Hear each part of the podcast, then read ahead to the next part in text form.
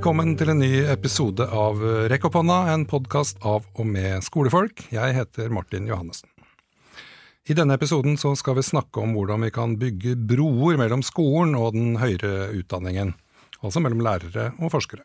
Vi skal høre om en studie som har undersøkt arbeidet til lærere i kombinasjonsstillinger, altså lærere som jobber både i skolen og i lærerutdanninga og som derfor eh, er i en ganske unik posisjon til å bygge bro mellom de to kunnskapsområdene, mm. nemlig skole og forskning.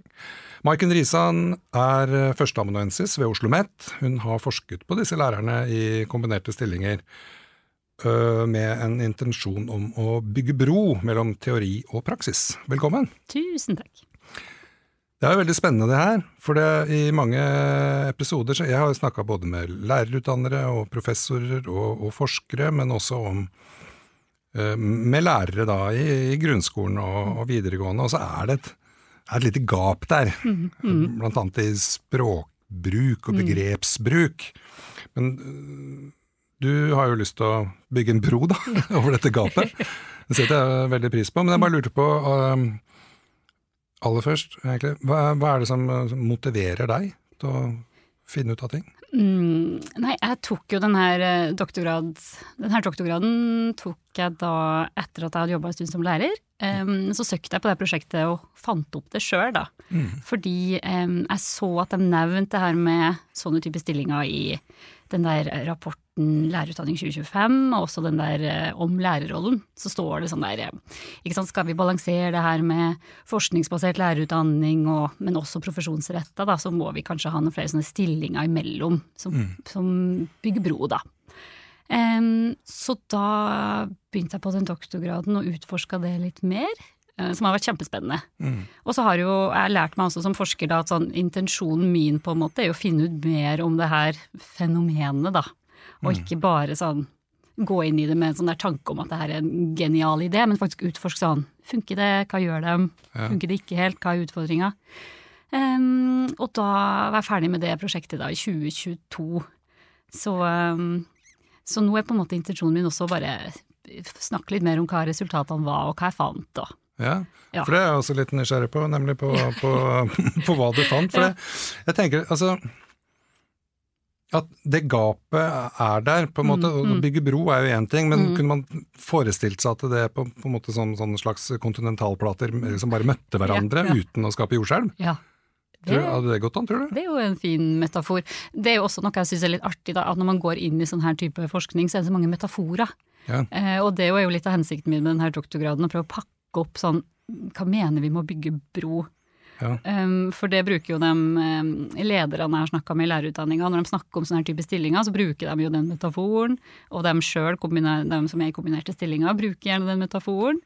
Uh, og den brukes litt sånn i stillingsannonser, da, om sånne her stillinger. Så står det 'vil du brygge bro mellom skole eller barnehage og lærerutdanning'. Ja. Og da har jo min tanke også vært litt den der um, Ofte når jeg snakker om det, så kommer det sånn som du har gjort òg, sånn nye metaforer. Ja. som kanskje kan funke bedre. Men min intensjon var jo litt å finne ut hva mener vi egentlig med bygging av bro. Ja. Eh, hva gjør dem? Så gikk jeg inn og observerte og intervjua hva gjør du faktisk med kunnskap, f.eks. Jeg har prøvd å finne ut litt sånn, for det er ulike nivåer å bygge bro på. Du kan jo gjøre det mer sånn strukturelt, at selvfølgelig så er vi enige på en måte om at lærerutdanning og skole og barnehage skal samarbeide mm. på et sånn strukturelt nivå. Så det er jo på en måte greit, og så kan man jo møte på noen utfordringer med det. Så er det mer sånn individnivå, sånne mennesker da, som må gå imellom og prøve å bygge bro. Men så er det jo mer sånn kunnskapsnivå jeg har sett på. Da, sånn hvis man prøver å skape sånn koblinger mellom teori og praksis, hva mm. gjør du egentlig da når du står og underviser på lærerutdanninga da? Mm. Men hva, så, uh, metaforen bygge en bro, hva, hva er det liksom du legger i den metaforen, da? I selve avhandlinga så brukte jeg den nesten ikke, fordi eh, jeg ble på en måte råda å ikke gjøre det. For sånn i sånn forskningsarbeid så er det nesten greit å bare ikke bruke Eh, så mye av sånne metaforer. Sånn folkelige, ja. gamle Ja, ja, skjønner. Men så har jeg på en måte tatt det mye mer til meg etterpå, for det er mye lettere å snakke om det på et språk som informantene mine og folk rundt tross alt bruker. Så jeg tenker ja. på en måte at det er bedre å bare bruke det, og så heller prøve å pakke det ut og snakke om det, enn å late som at nei, nei, vi snakker ikke om bro, fordi bro impliserer jo egentlig et gap, som du sa. Ja. ikke sant? Det impliserer at vi er to forskjellige sider. Mm. Mens vi vil jo heller egentlig snakke om at vi er en slags enhet, men forskjellig, ikke sant? Ja. Men så snakker vi jo gjerne om den broa, da. Og jeg mm. tenker på en måte at det kan være litt fint, fordi um, det jeg også fant litt i denne studien, da, er jo at skal, du kan ikke bare magisk vis gå inn som lærer og så bygge bro i lærerutdanning. Man må jo på en måte, det betyr faktisk at du må ha kunnskap om to sider. ikke sant? Du må kunne mm. forskning og teori og det som skjer på campus. Og så må du ta med deg det du kan fra skole, sette ord på det. Mm. Eh, og så må du faktisk skape tydelige koblinger for lærerstudentene, da, hvis det skal bygges en slags bro. Og det er ganske utfordrende, faktisk. Ja, men jeg tenker det er ganske utfordrende å være lærer. Ja, det er utfordrende å være lærer. I seg sjøl, så en utfordring til. Det, mm, det er enda en. da tar vi det nå på strak arm, egentlig. Men det er jo litt artig, tenker jeg, med sånne stillinger. At det gir jo en mulighet for enkelte lærere å å, ut, å, få en enda mer utfordring på en måte, da. For det er jo ikke mm. så mange karriereveier for lærere heller, ikke sant? Nei, det er jo ikke det. Mm. Nei, ikke sant. Og ja, det er jo faktisk et helt eh, annet tema, dette ja. med karriereveier. Trenger man karriereveier? Ja, det kan vi gjerne diskutere litt mer, for denne type stilling blir jo anbefalt som en mulig karrierevei mm. i den NOU-en med videre betydning. Mm. Men hvor, hvor, Finnes det noe tall på hvor mange lærere er det som er i sånne kombinasjonsstillinger? Nei, det er jo interessant. Jeg tror nok enkelte universitet og høyskoler har nok brukt sånne her type stillinger kjempe, kjempe, kjempelenge. Um, og så er det noen som aldri har brukt dem. Mm. Um, men det fins ikke en systematisk ordning på det her i det hele tatt, og man kaller dem veldig forskjellige ting. Delte stillinger, um, kombinasjonsstillinger, praksislærer 2 har den blitt kalt, frikjøpte. Altså det brukes ulike begrep, og de blir satt inn til ulike ting. Mm. Um, så det er helt sånn umulig nesten å vite, men det er mye mer etablert f.eks. i helseutdanninga, da. Fysioterapi og sykepleie og leger og sånn. De har mange sånne kombinasjonsstillinger. Ja, så derfor er jeg å prøve å snakke om dem som kombinasjonsstillinger, da, i stedet for å bruke alle de her andre ja. begrepene som blir brukt. da. Det er sikkert lurt. kan vi liksom bli enige om ett begrep? ja, da er vi enige om kombinasjonsstilling og brobygging. brobygging. Da, har to, da, har vi de to på plass. Men er, er det noen, måte, noen, viktige funn, eller viktigste funn? Er det, er, Fins de, eller er det alle like viktige? Har du et hierarki? Ja, øh, jeg tenker det det spennende jeg har funnet ut er alltid selvfølgelig spennende, så alle bør lese hele avhandlinga, da. Men jeg syns det, det, er veldig interessant å belyse de der potensialet med sånn type stillinger. Eh, hva er det som faktisk kan funke kjempebra? Eh, og hva er det som er sånn utfordringer som vi faktisk må jobbe med hvis man skal fortsette å bruke sånne der. For igjen, det er ikke en selvfølge at det blir en mer praksisrelevant og forskningsbasert lærerutdanning av at man ansetter masse lærere også inn. Nei. Fordi det jobber jo fremdeles folk i, eller masse folk i lærerutdanninga som har lærerbakgrunn, og som er veldig mye ute i skolen og observerer og forsker, og mm. som også er ganske praksisnær, da. Um, så det jeg har funnet er jo at eh, de møter jo utfordringer på en del nivå. For eksempel så er det jo vanskelig å gå inn i en ny hva du kalte kunnskapsområde. Mm. Jeg har jo kalt det liksom kunnskapsdomene. Ja, veldig sånn forskeraktig. ja. ja. Eh, at skoler og høyere utdanning og lærerutdanning da, vi har jo litt sånn ulike måter å snakke om kunnskap på, bruke kunnskap og, og ulike tradisjoner, og forventninger. Så det å gå mellom betyr også at man må oversette en mm. del, da. Så den oversettelsesjobben ser jeg jo er ganske sånn interessant og utfordrende. Um, så en av uh, informantene mine sa jo for eksempel det der at egentlig syns jeg nesten det er lettere å bare være forskningsbasert. Fordi ja. um, det der praksisen, den må liksom oversettes, og det er vanskelig. Og ja. da er det jo interessant ikke sant, at vitsen med å ha sånne stillinger er jo å belyse også praksis. Gjerne sånn underliggende teoretiske og forskningsmessige på en måte strukturer under, men også mm. liksom praksisen. da. Så hvis de går inn i høyere utdanning og føler at det de skal gjøre er egentlig forskning, og, og snakke om forskning og teori og sånt, så mister man jo egentlig litt sånn hele grunnen til at de skal være der, da. Ja. Så det jeg fant var litt sånn den utfordringa med å tydeliggjøre intensjonen med sånne stillinger, og at de skal være liksom stolt av å bruke sin ekspertise, på en måte, da. Mm. Det er jo litt sånn, altså Du sier stolt av å bruke sin ekspertise, ja. men det er jo sant, noe som eh, mange er, eh, ligger under, det er jo den her janteloven. Ja, ja. Det å på en måte være den med ekspertise som kommer inn i et lærerkollege som vet mer enn kolleger, liksom. Ja, ja. Snakka de informantene noe om det, eller har du tenkt noe rundt det? De snakka lite om hvordan det var å komme tilbake til skolen fordi de hadde ikke egentlig noen sånn annen rolle i skolen, og det syns jeg jo egentlig er interessant. De var jo kanskje praksisveiledere, noen av dem, men um, de hadde ikke sånn at de drev på en måte noe utviklingsarbeid eller hadde noe andre ansvar, virka det som. Nei. Men det er jo også interessant, ikke sant? for de vet jo da utrolig mye om lærerutdanning og det som skjer der. Mm. Så de hadde jo vært fantastiske sånne ressurser for å veile nyutdanna og, mm. og praksisstudenter, og, og, på en måte ja, informere sånn kolleger hva som skjer på lærerutdanninga. og ja. og den biten. Men Um, de hadde jo den ikke sant, når de gikk inn i lærerutdanninga og følte litt sånn det her er ikke helt mitt territorie. Um, det er jo egentlig forskning og teori som har mer makt her, på en måte. Ja.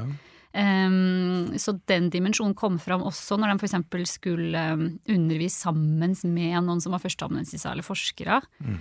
Uh, da kunne de få en mye mer sånn tilbakelent rolle, da, enn at de kunne hatt et nylig sånn samspill der de bygger på hverandres bidrag. ikke sant, sånn 'Å ja, du sier det, men i praksis så gjør vi kanskje litt mer sånn', og det betyr jo mm. det. Men i stedet for så kunne de bare lene seg tilbake da og være helt stille. Mm. Um, så sånne, sånne ting påvirka jo arbeidet deres også, da. Ja, Men da, tenk på det Tenk på den sånn helt uh, skal si, vanlig lærer i et vanlig klasserom, i en åttende klasse da, ja. for eksempel. Ja. Så har de på den skolen uh, den, så er det en sånn uh, kombinasjonsstilling-lærer ja. som har bestemt seg for at det skal følge naturfagsundervisninga, eller norskundervisninga, eller mm. et eller annet fag, da, mm. i et halvt år. Mm er, måte, det jeg egentlig prøver å komme fram til, er liksom, blir på en måte sånn type utenforøyne mm. godt tatt imot på skolene? Mm. Men um, for ikke sant, de er forska på, går jo inn i lærerutdanninga og underviser norskdidaktikk, ja. samfunnsfagdidaktikk. Um, sånn felles eh, f.eks. Mm. Eh, men vi vet veldig lite egentlig om sånne roller der de går andre veien. Okay. Som det høres ut som du nevner litt nå, da, ja. sånn at de går fra høyere utdanning og inn i skolen. Ja. Fordelte, eller Kombinasjonsstillinga kan jo også gå den veien. Ja, for jeg tenker at det, er i kombinasjon, så må det jo kombineres med noe. Begge. ja, ikke bare kombineres med én ting. Nei, Så de her jeg har forska på, jobber jo da f.eks. 80% på en ungdomsskole, 20% i lærerutdanninga. Ja, nemlig sånn. Mm. Ja. Men um, vi vet jo på en måte om den andre veien, vet vi jo mer om. For det er mye mer vanlig i, både i Norge og internasjonalt at eh, man har forska på sånne her kombinasjonsstillinger andre veien. F.eks. at en praksiskoordinator som kommer fra høyere utdanning og går ut i skolene. Mm. Eh, og de opplever jo egentlig mye av det samme. Ja. Og det vet jo vi som jobber i høyere utdanning og går ut i skolene og prøver å holde på med sånn desentralisert kompetanseheving f.eks. Mm. Opplever jo ofte litt av det samme sånn følelsen av sånn at eh, her må jeg snakke fram det at jeg var lærer for 20 år siden, fordi her er det den kunnskapen som verdsettes. ja, men, men, det er jo jeg tenker, det er altså for læreridentiteten så er det jo viktig at hvis noen skal komme inn på min, min skole og fortelle ja. meg om hvordan jeg kan drive bedre undervisning, ja. og hvis de ikke har lærerutdanning, det er bare å se på kunnskapsministerne den siste tida, Tonje Brenna hadde jo ikke noe utdanning, hun nye har jo jurist. Mm, -hmm. Liksom. Skal, hvorfor skal vi tro på disse forskerne som kommer inn. Men det, jeg syns er interessant med det der um, å være stolt av sin ekspertise, på en måte, da. Ja. For um, uh, kommer du inn som høyere utdanningsforsker eller lærerutdanningsforsker i skolen nå, så har du jo egentlig det som ekspertise, gjerne, da. Og skal du mm. komme inn som lærer inn i lærerutdanninga, så er det jo også det der at du faktisk står i skolen hele tida, som er litt din ekspertise. Så det er litt morsomt at vi hele tida skal liksom underbygge litt det vi egentlig kommer inn med, men trekke fram det andre. Mm. Ja. og den praksisrelevansen blir jo sånn om du var lærer Nå var jo jeg lærer i fjor, da, men sant, du får jo mer og mer avstand til det der eh, å stå i klasserommet hver dag. Mm. Så det er morsomt er jo at man skal ut og hele tida være sånn Jeg var lærer en gang, altså. Jeg lover.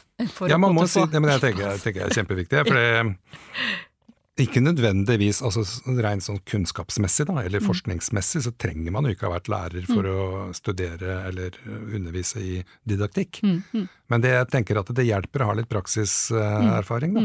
Men det er jo sånn som noen av disse her eh, altså Noen av disse lærerne i sånne kombistillinger de distanserer seg fra forskning og teori også. Hvorfor, eh, hvorfor, er det sånn? Gjør de det? Ja, altså um, hvorfor? og på hvilken måte? ja, det var mange. Um, ja, som jeg sa, For det første så gjorde de nesten det motsatte også. ikke sant? Det der At de nesten tenkte at de skulle legge bort praksis og egentlig bare prøve å lese opp på forskning og teori. Mm. Uh, og så var det litt annen tendens, og det var det der å heller ta litt sånn avstand ja. fra det. Og si at på en måte eh, den der forskningsbiten og teorien og sånn, det tar de førsteamanuensisene seg av. Og så kommer jeg heller inn og kommer med på en måte praksiseksemplene, da. Ja, okay. Og det er jo veldig fint, for det er jo gjerne det man tenker at de skal komme inn med. ikke sant? De har dagsfersk praksiskunnskap. Eksempel sånn, jeg retta denne teksten i går, kan mm. vi se på den sammen og, med lærerstudentene da, og bli enige om en, en vurdering. Tenk på formativ, summativ vurdering, mm. ikke sant. Um, så det er jo veldig, veldig veldig fint. Men du skal jo også vise en sånn her type stilling har jo en sånn fantastisk mulighet til å vise for lærerstudentene at forskning og teori faktisk er viktig for din profesjonsutøvelse i framtida. Mm. Så hvis man bare kommer med praksiseksemplene, så mm. viser jo egentlig det til lærerstudentene at forskning og teori egentlig ikke er så viktig. For det jeg holder på med i skolen. Så ja. der ligger jo det utfordringa i oversettelse. ikke sant? At vi mm. bruker jo som lærere også egentlig veldig mye forskjellig kunnskap når vi utøver jobben vår. Men det å sette ord på det, ikke sant. Sånn, mm. det, her er, det her er eksempel på et vurderingsskjema, for eksempel. Eh, diskuter det altså lærerstudentene, da diskuterer det sammen ut ifra det dere har lært om formativ summativ vurdering, og det om læring og dybdelæring, f.eks. Så hekter man på praksis og, ja. og den teorien. Da. Men jeg tenker jeg har vært litt sånn forkjemper for teori, da. Mm. Eh, på min uh, forrige skole, hvor jeg jobba i mange år. Mm. Uh, og det var egentlig ikke fordi, av teori for teoriens skyld, men det at teorien ga meg uh, begreper mm -hmm. og knagger -hmm. og, mhm. tenk, og henger liksom kunnskap på, og lage et slags system. -hmm. Og også disse begrepene kunne jeg også bruke inn når jeg skulle liksom undersøke videre et fenomen, og google i vei med disse mhm, mhm. begrepene. da. Ja. Og Derfor så tenkte jeg at teori er veldig uh, viktig, men ja. den blir enda Den liksom eksploderer hvis i viktighet hvis den knyttes til praksis. Det er akkurat det.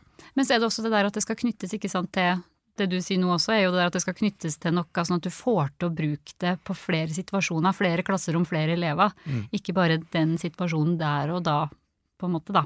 Ja. Så det tenker jeg som gjør det litt annerledes der å bruke et praksiseksempel for praksiseksempelet sin skyld. Da har du fått et verktøy i den situasjonen. Mm. Men det der å klare å løfte sånn som du sier, ikke sant, med å få kanskje litt mer refleksjoner rundt det der teoretiske aspektene, sånn at du kan bruke det som et verktøy inn i flere situasjoner, da. Ja. Det er en liten utfordring. Ja, har du noe uh, mulig forslag til løsning på den utfordringen? Nei, men um, jeg så jo kjempemange gode forslag på eller sånn, Jeg satt jo og observerte alt de gjorde på lærerutdanninga, ikke sant. Så jeg så jo mange nydelige sånn eksempel på uh, måter å koble praksisartefakta, som jeg kaller det, altså ting fra eh, skolen, ja. og sammen med forskningslitteratur og teori, da, ja. som lærerstudentene lærte på campus. Da. Mm. Eh, og så er det også det der at teori, forskning og praksiseksempel trenger jo ikke alltid å vises at sånn, det her er en fantastisk fin, forenlig enhet. Nei. Men ofte også så brukte de det for å utfordre litt, da, både mm. lærerprofesjon og forskninga. For eksempel så er eksempel på sånn her, et skrivehjul som forskerne har utarbeida og foreslår at man skal bruke i norskundervisning. Mm. Så brukte hun i kombinasjonsstilling da det, og ba lærerstudentene sånn nå skal vi det her bruker ikke lærere. Hvorfor ikke det? Hvorfor funker ikke det her, på en måte? Nå skal vi Nei. utforske, ikke sant. Hva kan, kan egentlig brukes til i undervisninga, eller kan det ikke det? Um, så det er jo et interessant eksempel på hvordan man bruker ting som måte, forskning foreslår som bra, da. Og faktisk prøve å teste det, utfordre det litt. Og ja. i sånne spenninger kan det jo også ligge mye sammenhenger og ikke. Men det, det, det, er jo veldig interessant. Skrivehjulet er jo sant, eksempel fra Skrivesenteret. Mm, mm. Og så har du Lesesenteret, du har mm. Matematikksenteret, du har mm. Nynorsksenteret. Det er mange sånne ja, ja, nasjonale kunnskapssentre som jeg ser på som sånne, sånne kunnskaps... Uh, gullgruver, egentlig, da, på ting man kan gjøre. Men ofte så blir det også litt sånn for tørt. For eksempel skrivehjulet er jo, som jeg ser jo at det det er en logikk i det. Jeg mhm, tenker, jeg har også mhm. prøvd det noen ganger, men har liksom ikke fått det til med Nei, mine elever. Så gjør jeg noe annet. Ja, Men derfor er jo akkurat sånne ting ganske artig å utforske med lærerstudentene da, mm. på campus. For da kan de jo igjen gå ut når de sjøl er lærere, og bestemme litt sjøl. Ha et ja. kritisk eh, forhold til det der og reflektere litt. Hva er det jeg bruker, hvorfor ha en begrunnelse? Funker ja. det, funker det ikke? Og ikke bare sånn jeg tror ikke det funker, men prøve å liksom utforske litt hvorfor, da. Ja. Jeg jobba sammen med en lærer, en norsklærer som uh, hadde brukt uh, skrivehjulet mm. med hell, mm. og da funka det. Sammen ja. med henne så fikk jeg det til. Ja. Men aleine sammen med uh, noen andre fikk det ikke til i det hele tatt. Ikke sant? Og det er den samme modellen. Ja. Så det er liksom Er det sånn med mange modeller, tror du? At det er litt sånn Man må skjønne det skikkelig? At jeg ikke har skjønt det, bare? Ja, Hva, hva syns du på en måte datt på plass når du fikk det til å funke? da? Nei, det var jo sånn kompetansen som hun eh, ja. andre læreren hadde, da. Og erfaring med å bruke det og, og sånt, som ja. gjorde at det blei sklei lettere, da. Ja, det var mer naturlig for henne å bruke det enn det var for meg. Ja, men det kan jo kanskje være et sånt godt eksempel på eh, hvor det kan være fint å ha litt av den her FoU-kompetansen, ikke sant. At du kan møte sånne typer verktøy med en litt sånn nysgjerrighet. Utforske det. Um, og på en måte ha litt sånn repertoar på det der, og finne ut og teste ting og finne ut hvorfor det ikke funker. Så er det jo igjen lov å legge bort ting som ikke fungerer fordi om forskning anbefaler det. Ja, ja, absolutt. Herregud. Jeg husker et annet sånn norskopplegg vi skulle ha, sammen med den samme læreren, ja. som eh, var egentlig Vi skulle ha kåseri. Ja. Som, og det er jo typisk norsk ja. Eh, greie på ungdomstrinnet. Kåseri. For det er morsomt. Ja, det er det. Og vi fant jo kåserier, ikke sant. Og vi lo og fnisa mens vi leste det for oss sjøl, og ingen av elevene lo. De skjønte ikke at det var morsomt. Nei, nei. Eller og det er ikke fordi de er dumme, eller sånt, det er ikke det jeg prøver Nei, å si, men altså de, ja, ja. da måtte vi si etter en uke med det at vet, vi prøvde oss på et opplegg som, eh, som mislykkes. Vi ja. fikk det ikke til, rett og slett, så da vi går videre. Her har vi noe nytt. ja, ja, ja, ja. men det har kanskje blitt litt mindre låst i skolen i det siste, den der at absolutt alle sjangere på en måte skal greie å gå oss, da. Ja, men de, de tenkte at det skulle løse opp litt med humor, og at det var gøy, da. Men, okay, men, det, uh, men det, det, er vel noen sånne forventninger til disse mm. lærerutdannerne mm. som jobber liksom på tvers av mm. skoler og, og, campus. Ja. Kan den bli mer tydelig? Ja, for det er det jeg anbefaler på en måte i det her. da. At jeg har jo anbefalt at skal, det, skal sånne kombinasjonsstillinger funke, så bør det jo for det første bli en mer sånn etablert ordning, som vi faktisk finner ut litt mer om og erfaringsutdele. Det er veldig dumt at alle lærerutdanninger rundt omkring har ulike versjoner av sånne her stillinger, og så må vi Vi vet ikke så mye om dem. Vi må heller prøve å samle det og gjøre det til en litt sånn struktur, eventuelt. Mm. Og så har jeg jo også skrevet at det hadde vært fint om det var tydeligere forventninger. ikke sant? At de ikke skal gå inn og være litt usikre sjøl. Sånn, hva er det egentlig jeg skal bidra med her? Skal jeg ta hele faget? Skal jeg både lage litteraturliste, pensumliste, øh, leser man på forskning, men også liksom bidra med denne praksisre, profesjonsrelevansen? Er det liksom Skal jeg samarbeide med noen? Og det å, var en veldig sånn tydelig mangel, da. At de måtte på en måte finne ut litt sjøl hvem de skulle samarbeide med. Mm. Men jeg tror sånn type stillinger hadde hatt kjempepotensial til å samarbeide med dem som jobber i lærerutdanninga også, da. Eh, ja. Og da kan de ikke sant, få mer eierskap til forskning, med å faktisk være med i eh, forskningsprosjekt, f.eks. For være sånne medforskere, lærere som medforskere. Mm. Det oppfordrer seg jo mye til. Og de kan jo involveres i sånn nei, masterprosjekt, f.eks. Mm. Det skrives jo masteroppgaver overalt av ja. lærerstudentene. Ja, ja, så kan vi ta to minutter på akkurat det med master. Trenger vi master i lærerutdanningen? Um, det er jeg jo kanskje ikke den rette til å sånn si ja eller nei til, men jeg er jo uh, ganske sånn glad i den der masteren, jeg. Og jeg syns eh, Jeg underviser jo pedagogikk og elevkunnskap eh, på lærerutdanninga, og syns jo de studentene vi har på siste året nå, eh, de er utrolig Det blir heldige skoler som får ansatt dem, tenker jeg. De ja, ja, reflekterte, kritiske, utforskede Ja, jeg, jeg er altså, tilbøyelig til å være enig ja, med deg i akkurat det, men det som jeg liksom savner, er, blir det ikke litt mye inn i hodet det siste året istedenfor i mm. praksis? Mm i klasserommet? Det kan du si, og jeg tenker det kan absolutt være mye strukturer der som kanskje kan endres litt om det skulle ha vært mer praksis f.eks. i slutten. Og mm. Nå er jo mange f.eks. å samle data til en masteroppgave og skrive ganske sånn profesjonsretta masteroppgave, da. Mm. Men der òg er det jo Jeg var jo også med og skrev den her eh, rapporten om bachelor- og masteroppgaver i lærerutdanninga, ikke sant. Mm. Og det, eh, der òg ligger det jo mye potensial i samarbeid mellom skole, barnehage og og lærerutdanning i å samarbeide om de bachelor-masteroppgavene, sånn at de blir også mer nyttige for skolen. Og så ja. er det jo noe med at de som kommer ut som nyutdanna, også skal få lov til å være med og liksom vise fram hva de kan. Da. De kommer ut med fantastisk eh, nyttig kunnskap. Om, ja, men, eh, ja, og det, det, er jeg helt sikker på. ikke sant? Men så sitter alle de, de nyutdanna lærerne kommer på skolen sin, og så har de masterkunnskapen sin inn på den skolen. Og den andre på den skolen, og den tredje på den skolen. Men hvor blir det av alle masterne? Ja, det jo er jo store prosjekt som prøver å samle og gjøre dem mer tilgjengelig. Det, ja, det burde man jo gjort ja. før man sa at alle skulle Det, ja. det er ikke for å kjefte på deg, altså. Men det burde man ha gjort. Hva skal vi med all den her tekstproduksjonen ja. og forskningsproduksjonen som nå kommer til å foregå, som mm. følge av at vi får fem års lærerutdanning? Mm. Hvordan kan alle benytte seg av mm. den? Jeg vet at det er flere universitet og høyskoler som jobber med sånn der å lage samarbeidsportaler, ikke sant? der både skoler og praksisfelter kan melde inn mm. forslag til ting som burde forskes på. og og på en måte melde seg som litt sånn felt, ikke sant. Mm. Eh, og også at de kan deles, da, ja. eh, med andre. Eh, så det vet jeg at mange jobber med, for det er jo helt sant, de skal jo, de skal jo brukes. Men eh, det er også noe med at det legges jo mer og mer vekt på det med profesjonsfellesskapet ikke sant, og utviklingsarbeid. og eh, det her er jo lærerstudenter som på en måte gleder seg til å komme ut og fortsette å utforske sin egen praksis og andres og være med og utvikle skoler og sånt. Ja. Så det er jo noe med å få brukt ikke sant, dem som nå kommer ut med en master om hvordan man kan tilpasse opplæring til særlig evnerike barn i matte, da. Mm. Det er jo kjempeverdifull kunnskap, men det må jo ja. også brukes i, i, skolen, da. Ja, for jeg tenker at det er litt sløsing med kompetanse, egentlig, å ikke gjøre det til, tilgjengelig, da. Mm, mm. Man må liksom samarbeide med alle de som ikke er til stede, da. Ja, absolutt. Men du, en annen ting, det, er, det som jeg lurer litt sånn nå på, på tampen, egentlig, det er mm. har du, noen, har du noen gode råd til sånne kombistillingslærere som ønsker å bygge bro da, mellom skolen og den høyere utdanninga? Ja, jeg tror eh, For det første så håper jeg jo at sånne her ordninger igjen hvis det på en måte fortsetter og blir en sånn, et ordentlig tiltak, da. Mm. At det blir for Fordi igjen, det er masse, det er masse potensial i sånne typer stillinger. Mm. Um, så jeg håper jo at det bygges litt mer sånn der lag rundt dem, da. Mm. Um, for det gjøres veldig mye interessante ting med sånne kombinasjonsstillinger på ulike sted. Ja, men jeg tenker enda mer på de der som tenker, en som tenker, eh, hører på denne episoden mm, her og mm. tenker mm. Oi, sånn kombistilling, det har jeg lyst på. Det, lyst på ja. det har jeg kjempelyst på. Hvor, hvor, hvordan må jeg navigere for å finne ja, fram til det? Ja. Og hvorfor i all verden skal jeg gjøre det? Nå er jeg bare interessert, men hvorfor skal jeg gjøre det?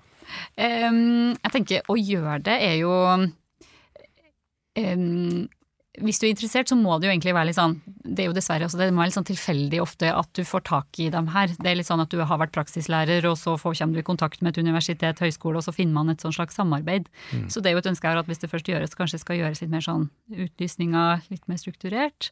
Eh, så skal du utforske det, så er det jo å sjekke om det faktisk finnes noen utlysninger eller noe sånt. Ja. Og så eh, kjør på. Og så tror jo jeg, da Jeg har jo sett at det her er ulike meninger om, men jeg har jo veldig tro på det der med alternative karriereveier for ja. lærere. For jeg tror mange kan etter hvert ha lyst til å kombinere det der og stå i klasserommet med noe litt annet enn f.eks. å være leder, da. Mm. For det er faktisk noe helt annet. Ja. Eh, og så så jeg det der med Når NOU-en kom, så var det ikke sånn kjempemye blest om det. Altså den med videre betydning om etter- og videreutdanning for lærere. Men det var noen som skrev en kronikk ikke sant, om at alle karriereveier kan ikke lede ut av klasserommet. Nei. Eh, vi kan ikke bare spise dessert. Noen må liksom stå og ta hovedretten i klasserommet. Mm. Og det er jeg liksom enig i. Samtidig tenker jeg at jeg tror mange har plass til litt sånn dessert mellom hovedrettene. Ja, mellommåltid, rett og slett. Ja, mellommåltid, rett og slett. Ja. Man kan bli sånn motivert av å få lov til å gjøre noe litt annet også, da. Og det mm. tenker jeg er liksom perfekt med en sånn kombinasjonsstilling. Eh, det er jo forslag der at de skal drive eh, liksom partnerskapsarbeid, f.eks. Det trenger jo ikke bare være at de er inne og undervise i høyere utdanning. De kan jo være litt sånn ansvarlig for å få til sånn gode prosjekt med høyere utdanning. Mm. Være med å sette i gang noe morsomme utviklingsarbeid der de inne og observerer hverandres undervisning. ikke sant? Mm. Sett, jeg var jo snakka en episode eller to eller tre siden med Anniken Furberg. Mm -hmm. Uh, som har vært i klasserommene og forska, og hvor mm. uh, hennes entusiasme overfor yeah. det å få lov til å ha med en forskergruppe inn i et uh, ja, klasserom yeah. og snakke med lærere og elever, hvor mye ja. det gjør for, for, hennes motivasjon, men mm. også hva de kommer tilbake til lærerne mm. da, i form av disse rapportene, mm. EVA 2020-rapportene som kommer. Kjempespennende. Er, men er, du, nå, er vi, nå, er vi helt på tampen her. Er det noe du brenner inne med? nei, jeg kunne jo snakka om det her mye lenger, selvfølgelig, men jeg tror, eh, tror kanskje vi har vært gjennom det meste. Ja, så skal man uh, google, så finner man din doktorgrads ja. greie? Ja da. Så kan man lese det? Skal man lese hele, hele ja, greia. da må man lese hele. Den er på engelsk, da, men uh...